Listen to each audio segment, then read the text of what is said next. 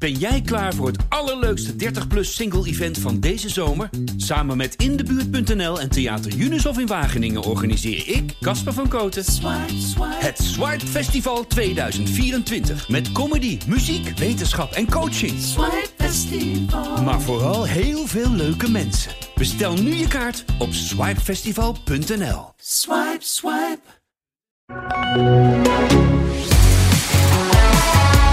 De Grand Prix van Rusland stond op het programma. Ja, dat was genoeg om te doen. Max Verstappen kreeg een gridstraf, besloot nog een motor te wisselen. En op de dag zelf zeg maar, was er ook genoeg te bespreken. Dat gaan we doen met onze man in Rusland, Arjan Schouten. Mijn naam is Etienne Verhoef. En uh, het was, zoals Max zei na afloop... When I woke up this morning, I definitely didn't expect this result. Had jij van tevoren ook gedacht dat dit het resultaat zou zijn, Arjan? Nee, helemaal niet. Niemand. Ik bedoel, uh, ja, het was toch een weekendje van uh, de schade beperken. En je verlies nemen en herbewapenen richting de rest van het seizoen. En als je dan nog tweede wordt, ja, dan mag je in je handjes wrijven, denk ik. Ja, alhoewel, het was wel het weekend van, van allerlei uitersten. Dat begon natuurlijk op de, op de kwalificatiedag. En, een regen die, die er overheen kwam, waardoor niemand eigenlijk nog een vrije training had. Hoe was die regen, die, die zaterdag? Was het zo extreem? Was het zo heftig? Ja, het was wel extreem, ja. Ja, jij zat erin. um, en s'avonds en s'avonds ging het ook nog door. Ja, nee, het begon, begon vrijdag op zaterdag nacht al. Ik slaap hier op zo'n compound en er ligt zo'n aluminium strip in mijn raamkozijn aan de buitenkant. Nou, het begon om half vier te druppelen. Toen heb ik geen ogen meer dicht gedaan. Want uh, plok, plok, plok, plok, plok, plok. En nou, vooral de nacht na de race. Ik heb nog nooit zo'n heftig onweer gezien als hier. Dat was, uh, was een pittig spelletje. Dat was na de kwalificatie was dat? Na die kwalificatiedag? Ja, Oh. Ja, toen ging het ook nog even los. Dus uh, ja, de, uh, ja vreemd weer hier. Ik, ik, sprak, ik sprak twee Russen uit Moskou. En die zijn hier op vakantie. Want normaal is het in september al te graad of 22. Ik weet nog dat ik hier twee jaar geleden, toen zat ik nog te denken, zou ik nog gaan zwemmen? Want ja, het water in de Zwarte Zee is gewoon 22 graden. Maar ja, het is een beetje heftig. Ik heb al sneeuw zien liggen zelfs op de bergtoppen. Dus, ja. ja. Goed, dat leverde dus wel een, een, een bijzondere kwalificatie op, waarin Max eigenlijk bijna niet reed. En waarin Lewis Hamilton uh, foutjes maakte. Dat zien we toch ook niet vaak gebeuren. En toen moest ik terugdenken aan die persconferentie op donderdag, waarin Hamilton een beetje had over de spanning die je hebt als je in zo'n WK-klassement meedoet om de titel. Ja. En toen dacht ik, had ik nou over ja. Max of over zichzelf? Ja, die kreeg hij even om zijn oren terug, hè? Ja. Goh. ja, maar dat is dus wel een patroontje aan het worden hè, bij Mercedes. Want ze zijn altijd zo dominant, niet op een fouten betrappen geweest de afgelopen jaren. Maar de druk staat er volop. En ja, zoals Toto Wolff terecht constateerde, uh, we moeten echt meer gaan maximaliseren. Gewoon niet verdedigen, niet fouten maken, maar gewoon aanvallen en dikke punten scoren. Want daar ontbreekt het gewoon een beetje aan in dit kampioenschap. Ze zijn echt kwetsbaar, dat zie je hier gewoon weer. Want uh, laten we wel zijn, over vijf jaar kijk jij terug uh, naar dit uitslagenblad. En dan zie je uh, Lewis Hamilton 1, zijn honderdste zegen. Verstappen 2. Het is natuurlijk niet het verhaal wat eraan kleeft. Nee, weet je, weet je waar mij een beetje aan deed denken? Die documentaire over Schumacher die nu uit is op Netflix. Daarin zie je hoe die jonge Schumacher het Ayrton Senna heel erg moeilijk maakt. En die krijgt ook ineens een hele andere soort spanning om zich heen. En dat, dat lijkt een beetje hetzelfde nu het geval te zijn met Max en Lewis. Of zit ik, zit ik dan heel erg naast?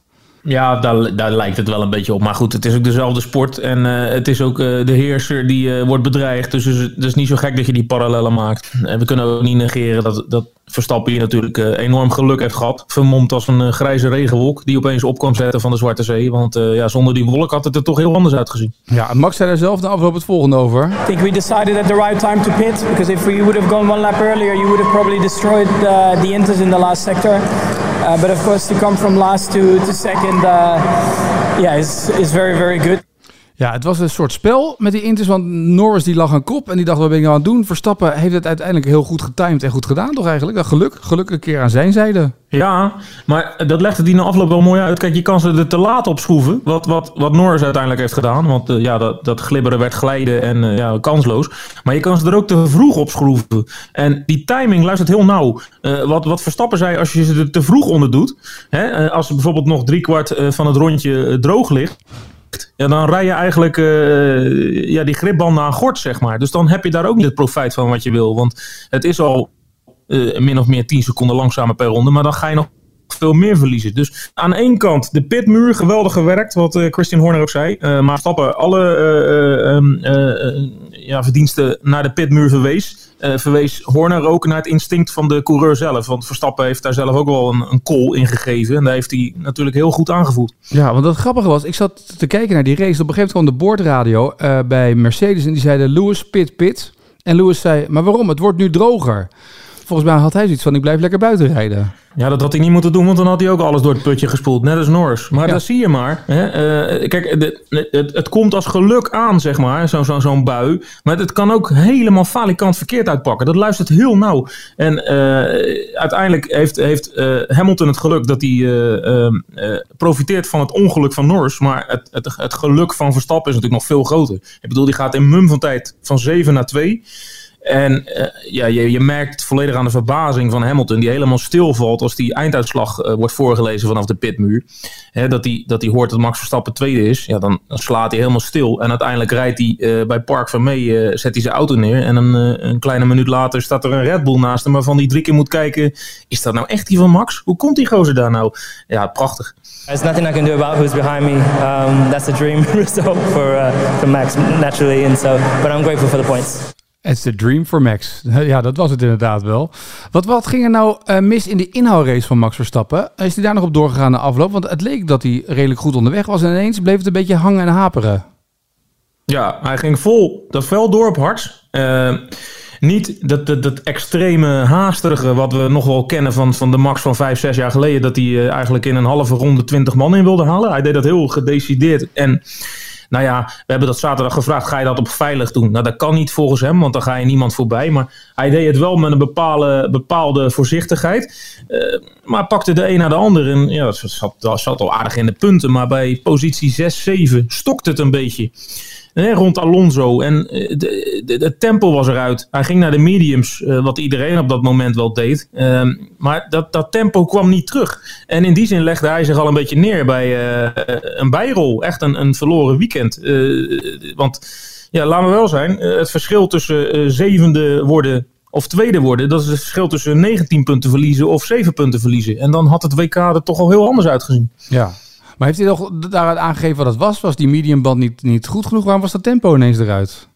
Ja, dat, uh, dat, dat, heb je soms met zo'n band. Ja. Ik bedoel, je, je, uh, je, je denkt dat je daar uh, lang mee kan, maar uiteindelijk heeft hij denk ik die, die harde band beter aan het werk gekregen dan de, de mediumband. En daar vreesde ze al een beetje voor, want dat zagen ze eigenlijk ook al in de training. Dus in die zin was het niet een enorme verrassing.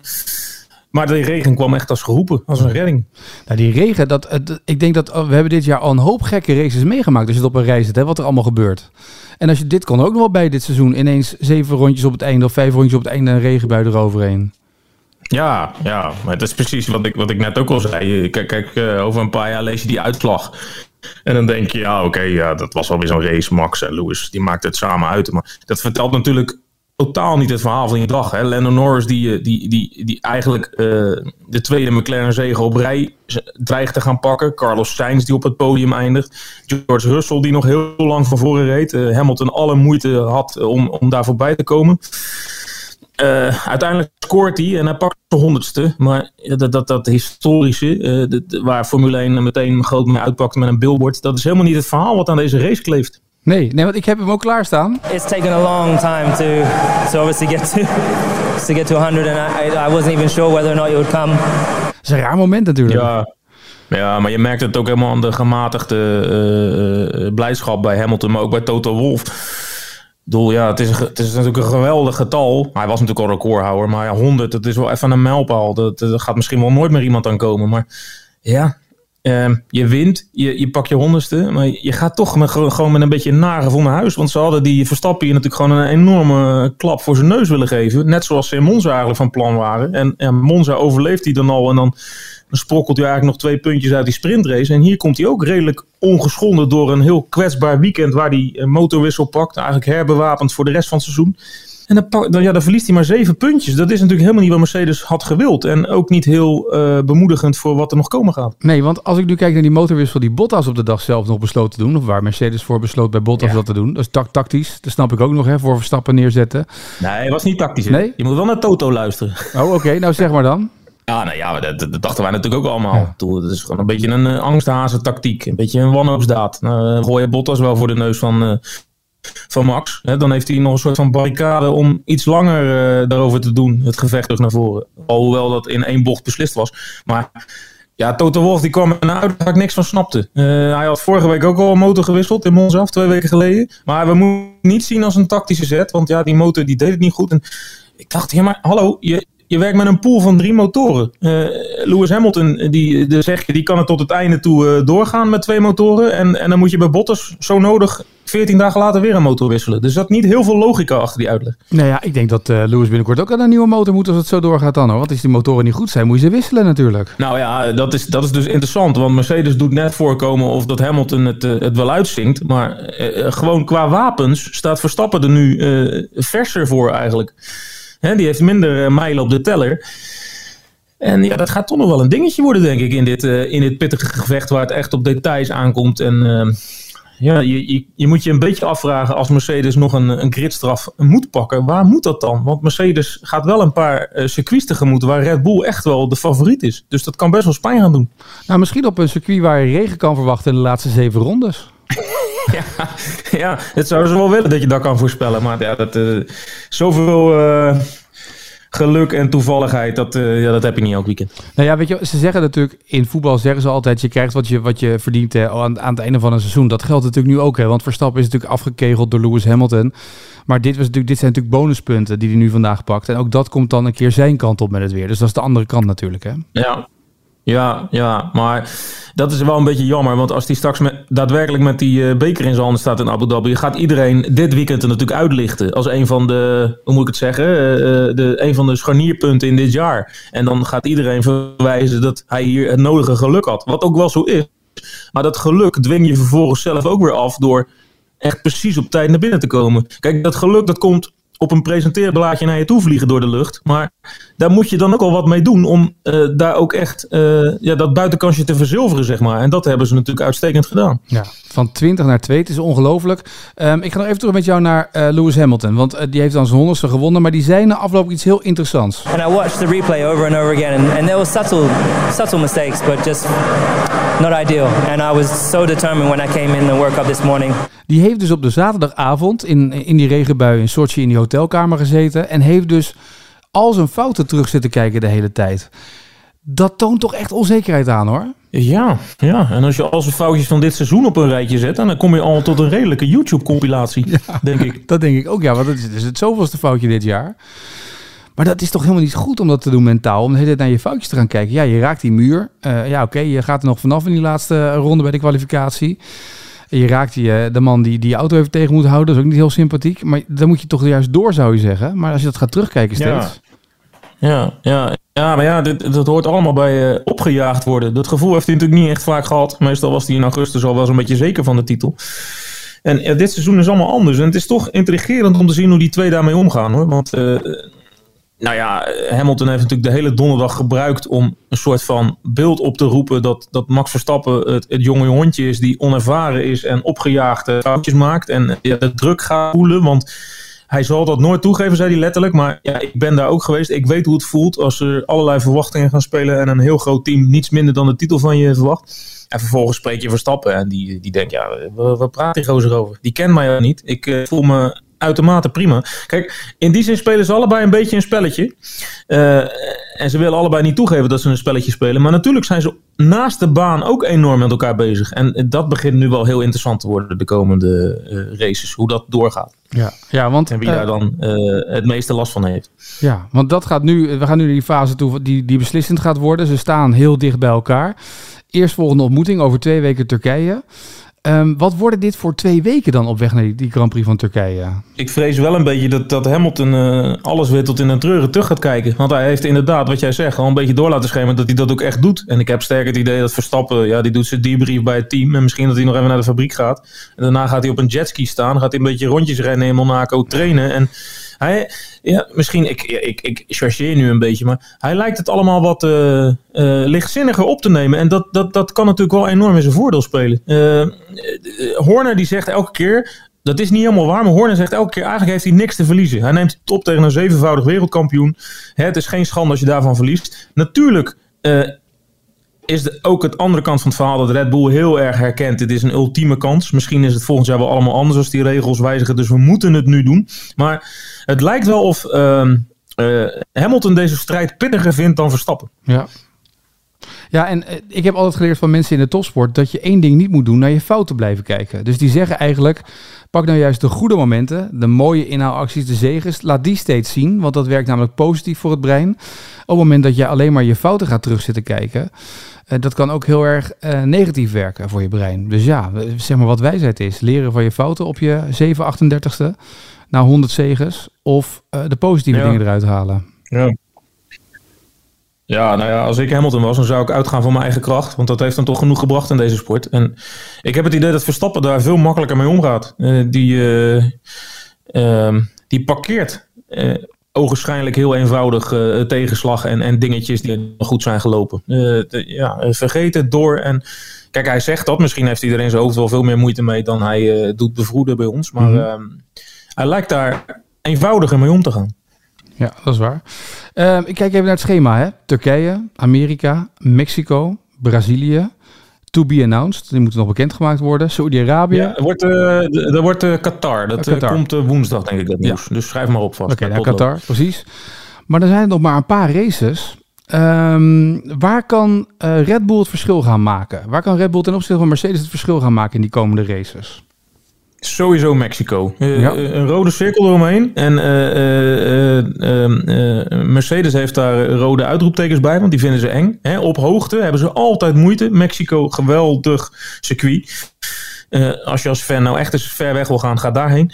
Um, maar ja, daar is Red Bull de topfavoriet. Um, en in Sao Paulo ook. En Austin ligt er natuurlijk ook heel goed. Dus dat zijn wel drie afspraken die heel interessant gaan worden. Dan ga jij natuurlijk vragen waar heeft Mercedes dan meer kans?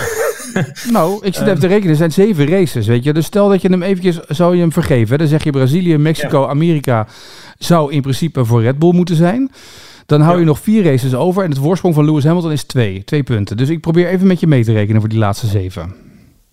Ja, en Saudi-Arabië, daar weten we natuurlijk niks van, dat is nieuw. Ja. Uh, maar als je dat circuit ziet, heel lang rechtstuk, ja, dan, dan ben je geneigd om meteen aan Mercedes te denken.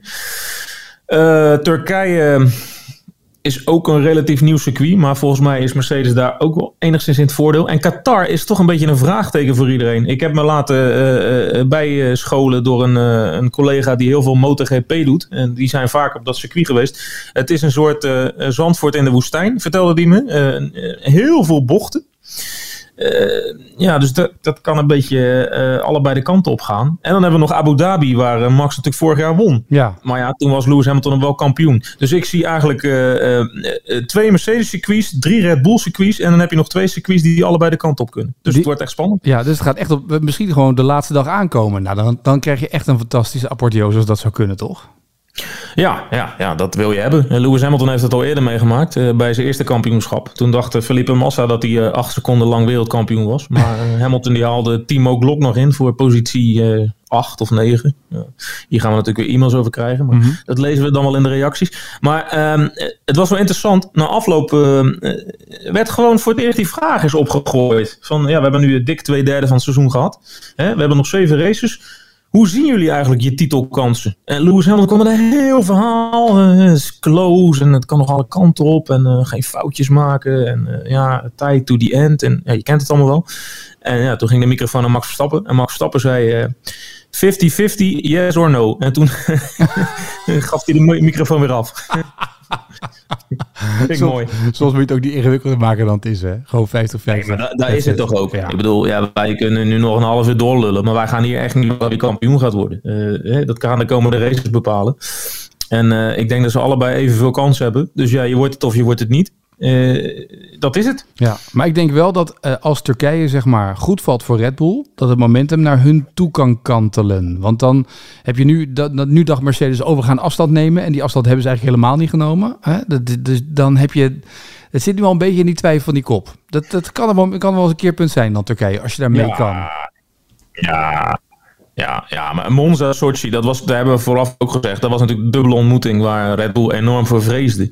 Ja, die zijn ze zonder kleerscheuren doorgekomen. Ja. ja. en als je inderdaad dan Turkije pakt, ja, dan ga je wel met, uh, uh, uh, ja, moet ik zeggen, heel veel vertrouwen naar Amerika en Mexico toe. Ja. Dus ja, worden interessante weken. Het worden historische weken misschien wel. We gaan het afwachten. Um, jij gaat weer terug naar huis vanuit Rusland. Morgen wordt weer een wereldreis, denk ik ongeveer, of niet? Nou, er komt nog één spannend dingetje. Het Oh. is nu kwart over acht hier. En ik denk dat over een uur of twee, drie er een eh, uitslag van een PCR-test... die ik vanochtend om zeven uur heb afgelegd eh, in mijn mail rolt.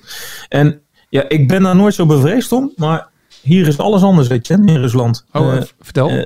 Wij worden natuurlijk al anderhalf jaar geacht om eh, eh, werkelijk overal met een mondkapje op te lopen en heel erg in een bubbel te verblijven. Maar we zijn hier in een land waar ze eh, een scheidhekel aan mondkapjes hebben. Dus ik zit elke dag in een shuttlebus met allemaal Russen die volgens mij helemaal geen een journalist zijn, maar toevallig in hetzelfde hotel zitten als ik. Nou, daar hangt een enorm plakkaat. Doe een mondkapje op. Maar ik wijs er soms op. En dan bromt en gromt zo'n Rus naar me. Maar hij denkt, krijgt de scheid met je mondkap. Er loopt hier een journalist rond in de, in de, in de, eh, in de perszaal. Die heeft een shirt. Daar staat op fuck COVID-19. Dus ja, ehm, ik hoop maar dat het allemaal goed komt. Ik hoop dat je snel terug bent, dat je weer veilig in Nederland bent. Alhoewel, het is hier ook weer los, hè? Dus je kan hier ook weer gewoon weer een feest hebben. Maar wel getest, natuurlijk. Ja, er, er is niemand meer getest dan eh Arjan Schouten. Maak je maar niet druk. Dat jij- de meest geteste Nederlander onderhand bent met de Olympische Spelen en Formule 1 eh, een jaar lang. Ja, ik had.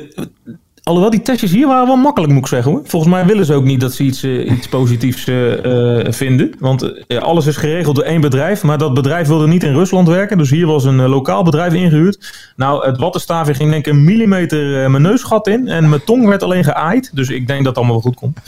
Maar eh, Maar blijf je wel een We week intern weer dan? Dus dan eh, voor richting Turkije eh, een week of zeven of acht dagen thuis blijven, ja? ja, die doet Rick joh. Dus dat komt allemaal goed. Al moet ik in quarantaine. Heel goed. Nou, goede reis terug. En eh, over twee weken zijn we er weer met een gloednieuwe pitstop. Dan eh, bespreken we de Grand Prix van Turkije voor in de videovorm op ad.nl. En natuurlijk na afloop van de race gelijk weer een podcast om de race te beschouwen. Arjan Schouten, dank. Goede reis terug, hè? Yes. Yo.